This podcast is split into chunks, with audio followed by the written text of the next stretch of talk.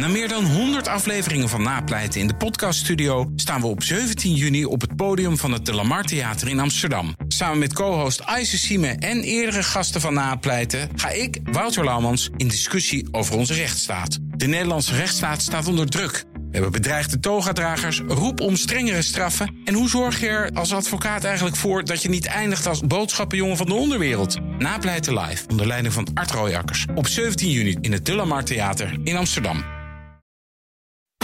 BNR Werkverkenners wordt mede mogelijk gemaakt door BrainNet. BrainNet voor zorgeloos en professioneel personeel inhuren. BNR Nieuwsradio. Werkverkenners. Rens de Jong. Even een gewetensvraag. Hoe gezond leef jij eigenlijk? Eet je een beetje mager? Beweeg je voldoende? Of heb je nog slechte gewoontes zoals roken of te veel drinken? Ik vraag dat omdat jouw baas, de werkgever, er alle belang bij heeft dat er alleen maar fitte mensen op de loonlijst staan. Die water drinken in plaats van koffie. Die een lekkere lunchsalade pakken in plaats van een kroketje op wit brood. Mm. Eh, die de stress niet al te hoog laten oplopen. Maar als werkgever heb je op deze gezonde leefgewoontes maar beperkt invloed. Want ja, je kunt je kantoor natuurlijk vol stapelen met fruit. En de printer en het koffiezetapparaat nog wat verder wegzetten.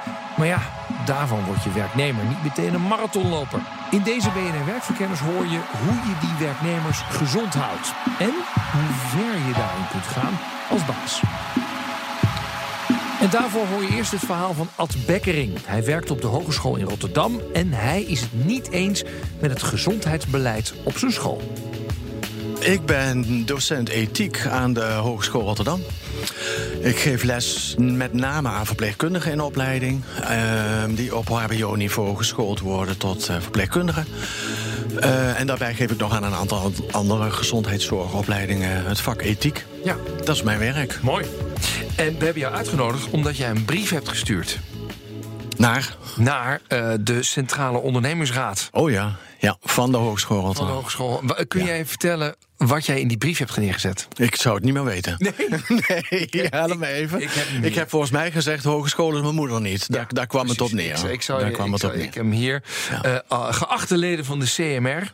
Al enige tijd worden studenten en medewerkers ongevraagd bestookt... met propagandamateriaal, zijn jouw woorden, uh -huh. uh, van de anti-rooklobby. Ja. Nu ik de PC opstart, zit ik, zie ik alweer een oproep staan... voor een rookvrije hogeschool. Ik maak er bezwaar tegen dat de hogeschool als mijn moeder opstelt. Dat is ongevraagd en ongewenst paternalisme. Helemaal goed. Ja. ja. Wa waarom erger je je zo hieraan?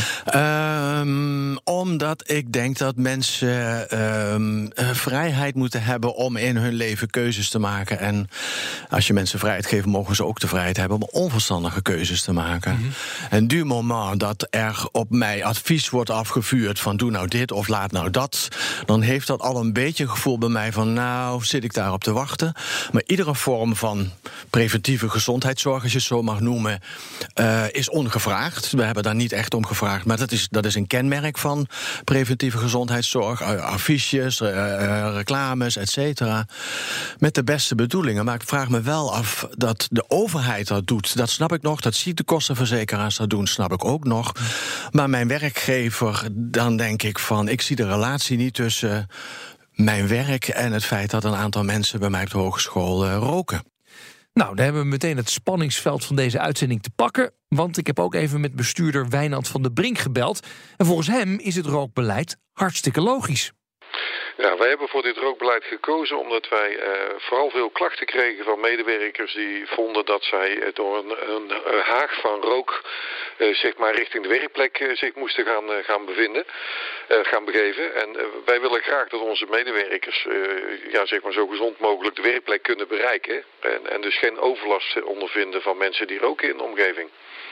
Ja, beleid met alle goede bedoelingen ontwikkeld zorgt dus toch voor weerstand. De vraag is dan hoe ver kun je gaan zonder dat de werknemers met de hak in het zand gaan? Nou, eerst maar eens even naar het begin. Want wat zijn nou eigenlijk de rechten en de plichten van werkgever en werknemer? Daarvoor ga ik naar hoogleraar Tinka van Vuren. Ik ben eh, bijzonder hoogleraar bij de Open Universiteit op het gebied van vitaliteitsmanagement. En vitaliteitsmanagement gaat over wat kun je doen als werkgever en als werknemer om te zorgen dat je gezond, productief en met plezier aan het werk bent. En dan ben ik één dag in de week en die andere vier dagen werk ik bij Loyalis. En Loyalis is een verzekeraar op het gebied van arbeidsongeschiktheid. En die hebben ook consultants in dienst, waar ik er één van ben, om eh, werkgevers en werknemers te adviseren over hun personeelsbeleid. Ehm, heb je als werknemer eigenlijk de plicht om gezond te blijven? Ehm, ik denk wel dat je de plicht hebt om je werk goed te kunnen leveren. Mhm. En daar is het vaak dan wel voor nodig dat je gezond bent. Ja. Maar er zijn ook mensen die niet gezond zijn Mhm. en toch heel goed hun werk doen. Ja, dus. Dus ik denk niet dat het echt de plicht is om gezond te zijn. Om en Maar heb je de plicht ge- om misschien gezond te leven, om de poging te doen om gezond te blijven? Dat denk ik ook niet. Oké. Maar wel dus dat je je werk kan goed doen. Dus dat je in ruil voor de. Want dat is het contract wat je hebt met een werkgever of met een opdrachtgever. Dat je in ruil voor loon arbeid verricht. Ja, en, en heb je. Oké, dus er is niet echt een verplichting om heel gezond te blijven. Maar wat kan de werkgever dan wel doen om de werknemer gezond te houden? Ja, de werkgever kan heel veel doen.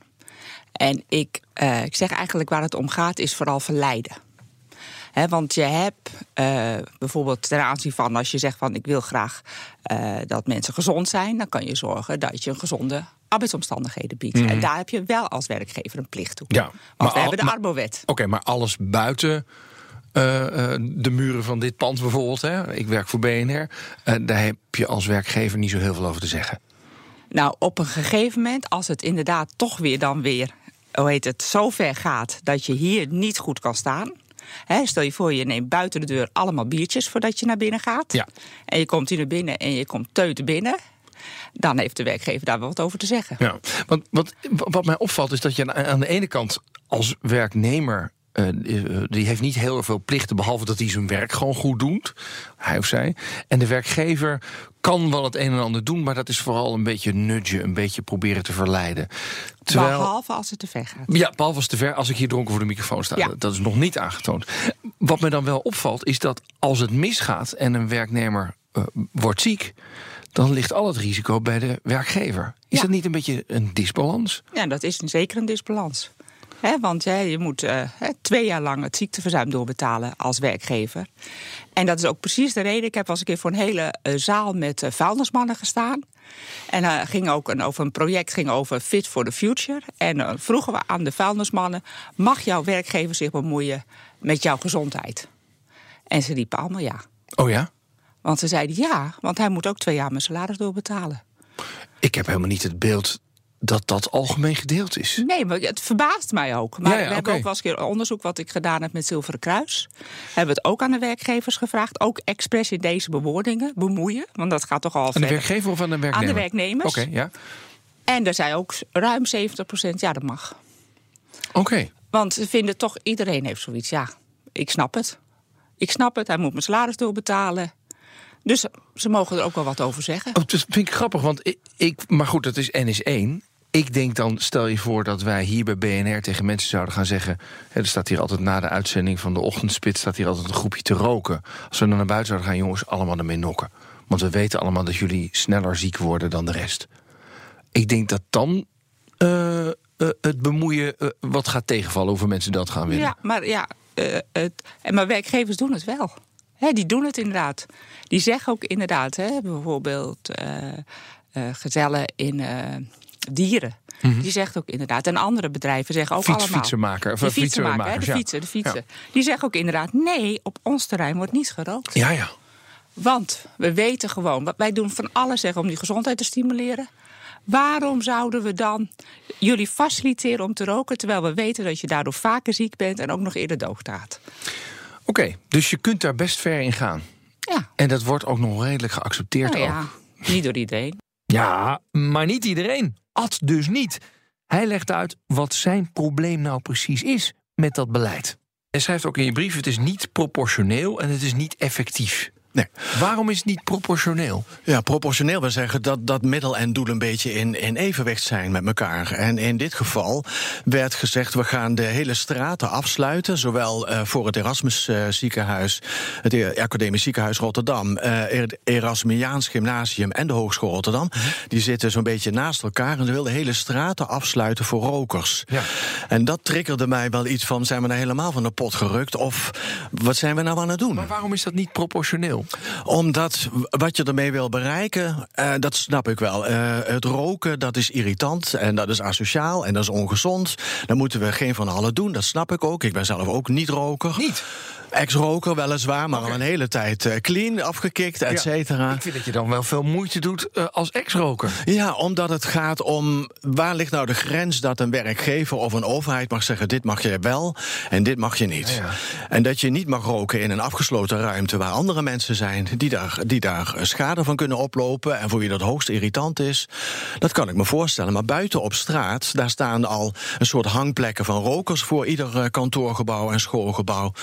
Ik denk, nou ja, kunnen we daar niet iets charmanters voor bedenken als een soort uh, hokje waar mensen dan uh, kunnen schuilen en een beetje buiten het zicht uh, toch een sigaretje kunnen roken.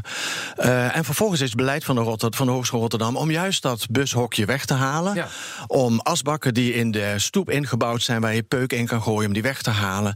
Dus nu staan die mensen weer in de regen en gooien hun peuk op straat. Ja. Dus volgens mij gaan mensen echt niet minder roken door ze te klieren. En, en jij zei van het is niet proportioneel. Klopt. Want zo'n hele straat vrijgeven Ja. om een paar mensen te, uh, ervoor zorgen dat ze niet door de rook heen lopen. Klopt. Dat vind je niet.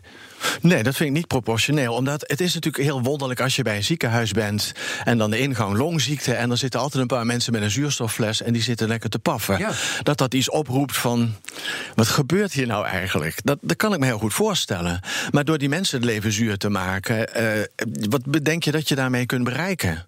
En nogmaals, vanuit de ziekenhuisoptiek ligt het misschien net iets anders. Maar mijn werkgever, de Hogeschool Rotterdam, vind ik, gaat echt een stap te ver door te zeggen: uh, je mag gewoon helemaal niet meer op het terrein van de Hogeschool Rotterdam, zelfs niet op de openbare weg vlakbij, roken. Maar, maar nou ja. Um, je zou natuurlijk vanuit de werkgever zou je kunnen redeneren. Uh, we betalen je om je werk te doen. Mm -hmm, klopt. En wij weten uit cijfers dat rokers vaker ziek zijn en ook Ja. langer ziek zijn. Ja. Dus kortom, het is heel ongezond gedrag. Waardoor jij, wat we met elkaar hebben afgesproken, namelijk dat je werk doet, Mhm. Klopt. minder goed kunt doen. Ja. We kunnen je misschien niet verbieden om te zeggen: jij mag niet roken. Want Mhm. mensen mogen doen in de vrije tijd wat ze willen. Maar dan is dit toch wel een soort van proportionele maatregel. Van nou ja, Ja. we willen het gewoon niet hier in de buurt hebben. Dat we tenminste tijdens werktijd moeilijk maken om te roken. Ja. Vanwege moeilijk maken dat of dat onmogelijk wij- maken? Ja, onmogelijk maken. Misschien Ja. wel onmogelijk. Ja. Vanwege het contract dat we hebben gesloten. Dat jij productief bent. Ja. Ja, ik denk dat je wel een argument hebt om te zeggen: rokers zijn iets minder productief, omdat ze regelmatig even een koffie eh, of een rookpauze Ook nemen. Sorry. ziek, hè? Blijkt alle cijfers dat ze echt wel vaker ziek Nou, die cijfers, daar kunnen we nog over discussiëren. En mensen die in het weekend eh, erg wilde hobby's erop nahouden. En zeker mensen die op skivakantie gaan, dat zou de Hogeschool Rotterdam, wat mij betreft, per direct moeten verbieden. Per direct. Want het aantal mensen wat na de zomer of na de wintersportvakantie terugkomt met allerlei blessures. of niet terugkomt omdat ze in het ziekenhuis in Oostenrijk liggen. daar zou ik dan ook wel een maatregel kunnen bedenken. En zo zijn er legio maatregelen waarbij je kunt zeggen: ja, jouw leefstijlkeuzes hebben ook effect op jouw eh, productiviteit. En daar waar er een directe relatie is, denk ik dat een werkgever het volste recht heeft om te zeggen: Ja. ik wil dat jij een veiligheidshelm dra eh, helm draagt op, je, op de bouw. Ik wil dat piloten 24 uur voordat ze gaan vliegen gewoon helemaal geen alcohol meer drinken. Ja. Dat is ook ingrijpen in iemands privé, maar daarvan denk ik dat is nog proportioneel en goed te verdedigen. Ja, maar goed, even, want ik vind het interessant. Het verschil tussen eh, eh, eh, skiën en roken. We kunnen denk ik inderdaad niet mensen gaan verbieden om te gaan skiën. Nee. En je kunt mensen denk ik inderdaad ook niet verbieden... Ja. om te zeggen, je gaat roken in je vrije tijd... of je gebruikt een ecstasy-pil of wat dan ook. Tenzij je dronken op het werk komt. Hè? Klopt. Ja. Aan de andere kant, ik denk niet dat we toe gaan staan... dat mensen gaan skiën voor de deur van de hogeschool. Dus het enige wat ze doen is eigenlijk... in de, in de eh, eh, onmiddellijke omgeving iets creëren. Ja. Waarom is dat dan toch Nou, nog een weghalen met name, ja. ja, Ja. verbod creëren. Omdat je kunt afvragen of het effectief is. Is het werkelijk effectief in de zin dat mensen daardoor minder gaan roken? Mhm. Want je zou een st- stop met roken cursus kunnen hebben. Je zou allerlei andere manieren mensen kunnen uitnodigen. Van nou, eh, kunnen we daar eens over praten met elkaar? Maar niet door te zeggen, we gaan je nou gewoon pesten. Want door het rookhokje weg te halen en door de asbakken weg te halen... ja, dat zijn maatregelen dat ik denk. Plus zo'n zo'n scherm, wat dus bij het inloggen op mijn werkscherm... dan krijg ik opeens een melding van eh, we zijn een rookvrije hogeschool. Eh, de- hoeveel mensen roken er nog? In het hogere onderwijs en op universiteiten is dat minimaal. En B, ik heb daar geen boodschap aan. Nee. Want als, ze zouden net zo goed allerlei andere waarschuwingen... voor hoeveel mensen zijn er maandagochtend fris... drink nou eens wat minder eh, op zaterdag en zondag. Dan werk je ook beter, et cetera, et cetera. Ik ben wel benieuwd wat de reactie dan zal zijn. Zo, nou, dat probleem hebben we vastgesteld. Zometeen in Werkverkenners. Wat werkt er dan wel om je werknemers topfit op kantoor te laten verschijnen? BNR. Nieuwsradio. BNR Werkverkenners. Net hoorde je in Werkverkenners dat niet iedereen er gelukkig wordt... als de baas poogt om iedereen gezonder te laten leven. Maar ja, je moet wat. En dus zijn er verschillende mogelijkheden. Dat er niet meer gerookt mag worden op de werkplek. En dat is pas effectief geweest. Dat heeft er echt toe geleid dat veel minder mensen zijn gaan roken. En als je eigenlijk kijkt naar het hele gedragsarsenaal wat er is om mensen te bewegen om ander gedrag te laten zien, dan zitten we heel vaak alleen maar op overtuigen en communiceren. Hè, als we nou maar uitleggen en we aan jou vertellen dat het niet goed voor je is, dan ga je wel anders doen. Nee, er zijn mensen die het weten en die denken het is toch mijn eigen keus. Ja, En dan, nou, dan heb je dan niet veel. Nou, dan is een van de middelen is gewoon verbieden. ja. Nee, maar het grappige is dat jij dat nu ook zo stellig zegt. Terwijl net in het interview zei je nog... nee, ik ben wel van het verleiden. Ja, als het niet anders kan, maar soms. Het, het is wel, kijk, het, het zijn twee dingen die tegen elkaar zitten. Wil je echt effectief gedrag kunnen veranderen, dan helpt het heel goed.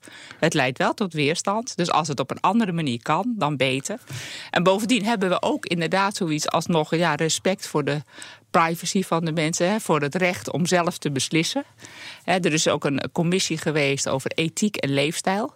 En die heeft, heeft een heel rapport erover geschreven. En die heeft ook echt gezegd van ja, is het wat je doet proportioneel? Is het hè, wat jij doet, staat dat in verhouding tot dat je inderdaad respecteert dat mensen zelf kunnen beslissen? Ja. Nou, en dat zijn steeds afwegingen die je moet maken. En wat vonden zij proportioneel? En wat vonden ze niet meer proportioneel? Die, die, Eh, nou, ik denk commissie? dat je proportioneel vinden als mensen dus bijvoorbeeld echt niet meer bijvoorbeeld eh, goed kunnen functioneren. Dus als Hm. ze niet meer hun werk kunnen leveren. eh, dan kan je inderdaad zeggen, dit gaat me te ver. Ja. En er zijn ook zelfs mensen die zijn ontslagen. Omdat ze eh, bijvoorbeeld niet meer achter het aardig past als kok. ja. Ja, dan werkt het niet meer. Nee. Hè? Dus er zijn net eh, nou, inderdaad hier eh, een taxichauffeur die dronken achter het stuur zit. Ja, dat snappen we allemaal. maar dat zijn best wel simpele dat snappen cases. we allemaal. Ja. Dat snappen we allemaal. Maar juist Het gaat er mij net om diegene die net even een kilootje of tien te zwaar is, zeg maar. Hè? Ja, en, nou, en en dan- gaan we daar nou iets nee, van zeggen? Dan gaan we denken, nou, nee, maar we gaan er misschien weer. Dan, dan kom ik toch weer met dat verleiden. Hè, we weten dat het beter voor je is. Als we wat voor je kunnen doen, is het goed. Maar eh, daar ga je niet heel dwingend dingen opleggen. Nou, bedrijven zijn met veel soorten van vitaliteitsbeleid bezig. En ik weet het, het is een verschrikkelijk jeukwoord, maar ja, iedereen noemt het zo. John Berends is adviseur zorg en bedrijfszorg bij verzekeraar CZ. En hij praat veel met werkgevers over de gezondheid van het personeel. En hij heeft dan ook een eigen belang, want CZ verzekert werknemers collectief via de werkgever. En ik krijg meteen een nieuw begrip uitgelegd. Ik zie veel werkgevers eh, aandacht aan een gezonde leefstijl eh, besteden. Ehm, denk daarbij dat er aandacht is voor eh, de zogenaamde Bravo-thema's. Sorry, de Bravo-thema's? De Bravo-thema's. Wat is dat? De Bravo-thema's staan eigenlijk, het is een, het is een afkorting voor de B van meer bewegen. De R voor stoppen met roken. Oh ja. De A van matig alcoholgebruik. De V van gezonde voeding. En de O van meer ontspanning. Oh. Ehm, Een meest recente ontwikkeling, Rens, is dat eh, het begrip Bravo ondertussen is uitgegroeid tot Bravo's. Waarbij de S staat voor eh, goed en gezond slapen. Oh ja. Oké. Oh, is dat het acroniem waar nu iedereen eh, zeg maar het meetlatje langs legt en zegt daar moeten we misschien iets mee? Nou, ik zie in ieder geval dat heel veel werkgevers het belangrijk vinden om daar aandacht aan te besteden. Ehm, en vooral ook om eh, vanuit die aandacht medewerkers eh, ja, zelf meer eh, in, in regie te krijgen. Hè. Dus letterlijk en figuurlijk meer laten bewegen. Ja.